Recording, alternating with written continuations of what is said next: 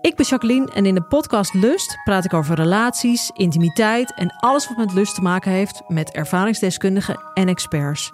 Of je nu in een relatie zit, single bent of iets daartussenin, Lust is de podcast voor jou. Overal te beluisteren, dus ook in jouw favoriete podcast-app.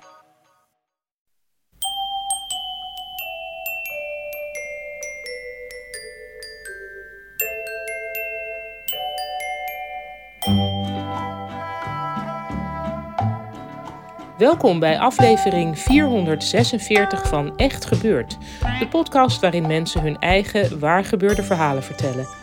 Deze week een verhaal dat Bram Zwart vorige maand bij ons vertelde tijdens een verhalenmiddag met als thema oorlog.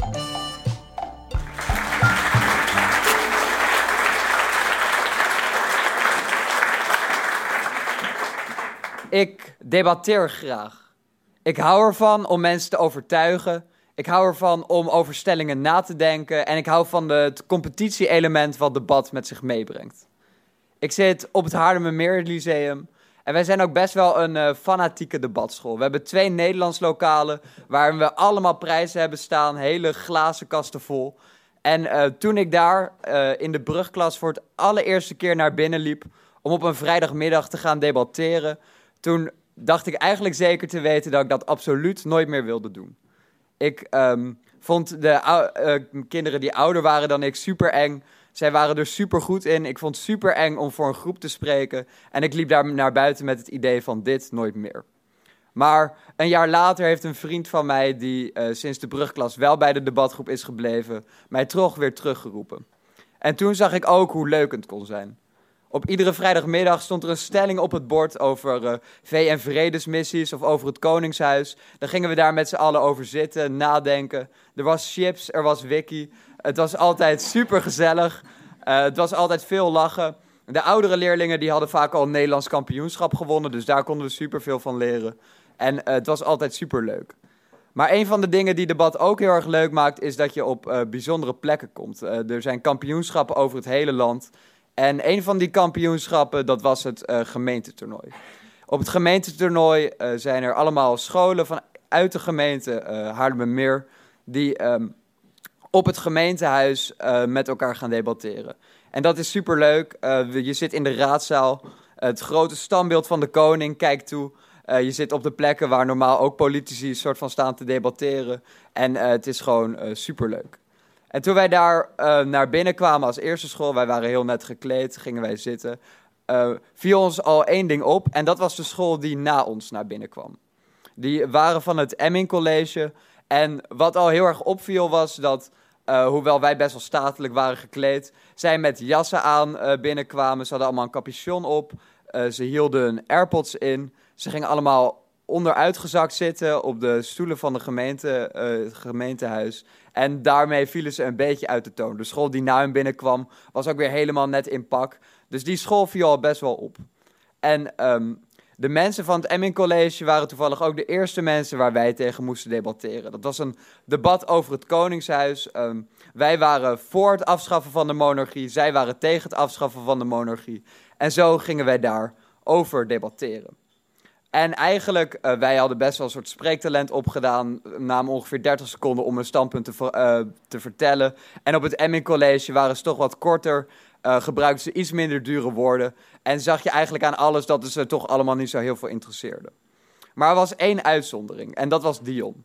Dion die wist eigenlijk altijd de zaal wel... Um, die had de lachers op zijn hand. Hij wist de hele zaal met zich mee te krijgen. En hij was er relatief goed in. Uh, we hadden dus een stelling over het Koningshuis. Hij wilde niet dat de monarchie werd afgeschaft. En hij zei bijvoorbeeld: Ja, een traditie is belangrijk, douchen is ook een traditie. En stel je voor, we zouden niet meer douchen, dan zou iedereen vreselijk veel stinken.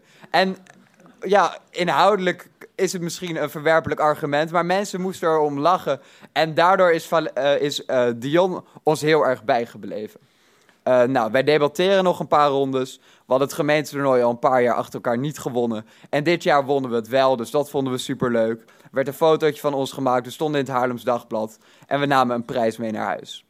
Op het Emming College hadden ze twee bekers gewonnen. Een beker voor het beste, uh, uh, grappigste team en voor de beste nieuwkomers. Omdat ze al een paar jaar niet hadden meegedaan. En Dion, de fantastische spreker, Die stond zo met die twee bekers gewicht te heffen. En weet je, ik feliciteer hem. Ik vind dat hij goed heeft gesproken. En nou ja, daarom vind ik die, vond ik die felicitatie ook terecht. Maar hij bleef zo met die bekers stoer doen. En toen uh, sprak ik een aantal woorden wat niet zo slim van mij was. Ik zei, gast, je moeder man. Dat is iets wat jongeren tegen elkaar zeggen om semi-beledigend over te komen. En daar bedoelde ik in principe helemaal niets mee. En ik liep weg en ik had niet per se gelijk door wat die woorden met hem hadden gedaan. Ik wilde mijn jas aandoen. We spraken nog even over de debatten die we hadden gehad. We hadden een leuke middag gehad. En we stonden op het punt om naar huis te gaan.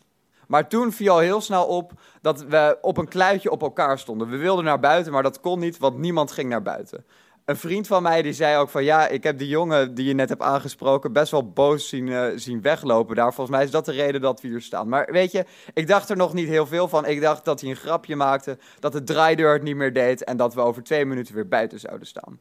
Totdat er drie kinderen van zijn college naar mij toe kwamen en um, tegen mij vertelden dat ik respectloos zou zijn geweest. En dat zij vertelden ze mij op een niet hele respectvolle manier. En ze stonden om mij heen en ik vroeg, ja, wat, wat heb ik dan uh, precies gedaan?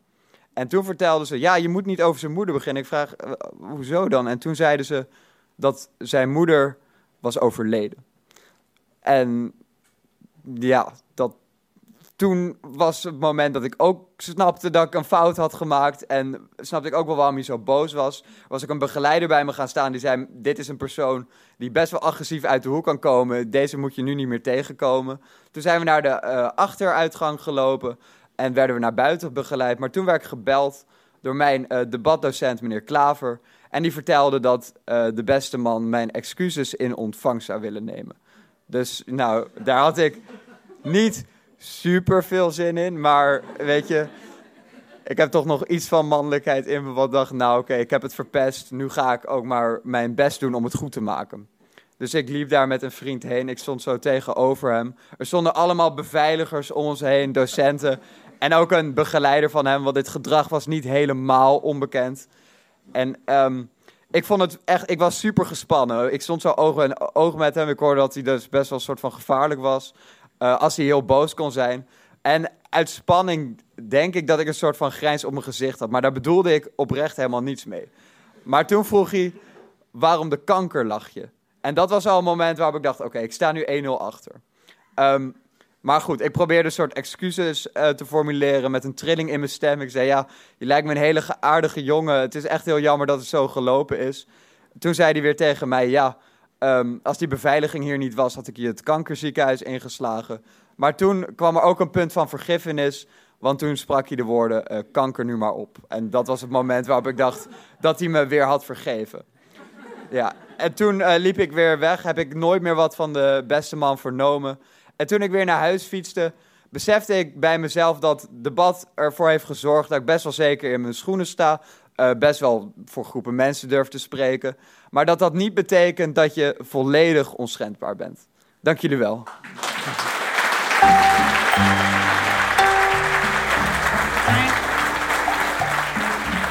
Dat was een verhaal van Bram Zwart. Bram is lid van de Newsies. Dat is de jongere redactie van Use the News. En dat is weer een platform waarop jongeren met nieuwsmedia meedenken over de vraag hoe zij de nieuwste generatie beter kunnen bereiken. Bram Zwart is ook te volgen op TikTok en Instagram. En op Instagram is trouwens ook Echt Gebeurd volgbaar. De redactie van Echt Gebeurd bestaat uit Micha Wertheim, Ariane Hins, Renette Kwakkenbos, Tom van Rooyen en mijzelf, Paulien Cornelissen. Directie Hanna Emmingen, zaaltechniek Jasper van Oorschot, podcast Gijsbert van der Wal. Dit was aflevering 446. Bedankt voor het luisteren en vergeet niet om vooral in situaties terecht te komen waarvan je kunt zeggen: er was chips, er was wiki.